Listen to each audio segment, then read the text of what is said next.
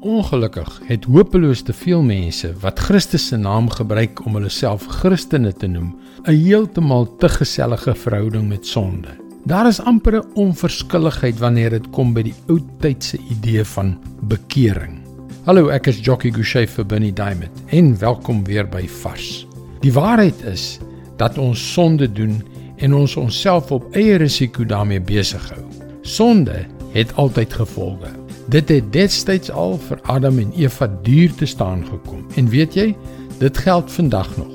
Maar in hierdie wêreld waar byna alles toelaatbaar is, is dit maklik vir 'n sogenaamde Christen om gerieflik met sonde om te gaan en sy gunsteling sonde te geniet asof dit nie saak maak nie. In 1656 het 'n man met die naam John Owen 'n boek geskryf met die ietwat uitdagende titel Of the Mortification of Sin.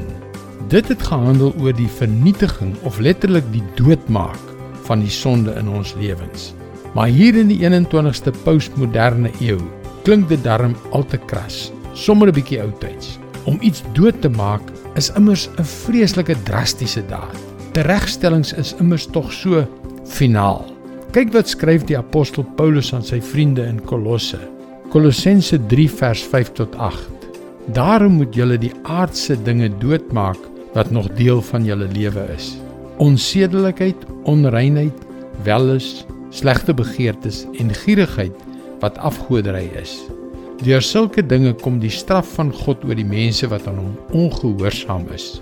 Vroer het julle ook aan die dinge meegedoen toe julle nog daarin gelewe het. Maar nou moet julle al hierdie dinge laat staan: woede, haat, nait en gevloek. Vuil taal moet daar nie uit julle mond kom nie. John Mortimer het dit so gestel: Die lewe, die krag en gemoedsrus van ons geestelike lewe hang baie af van hoe dood die sonde in ons lewens is. Ja, ons weet, die genade van God in Jesus Christus is heeltemal gratis. Maar sonde wat in die vlees voortleef, sal jou sonder twyfel van jou lewenskwaliteit beroof. Dit is God se woord, vars vir jou vandag. Jesus het gesterf en opgestaan sodat jy die sonde in jou lewe kan oorwin.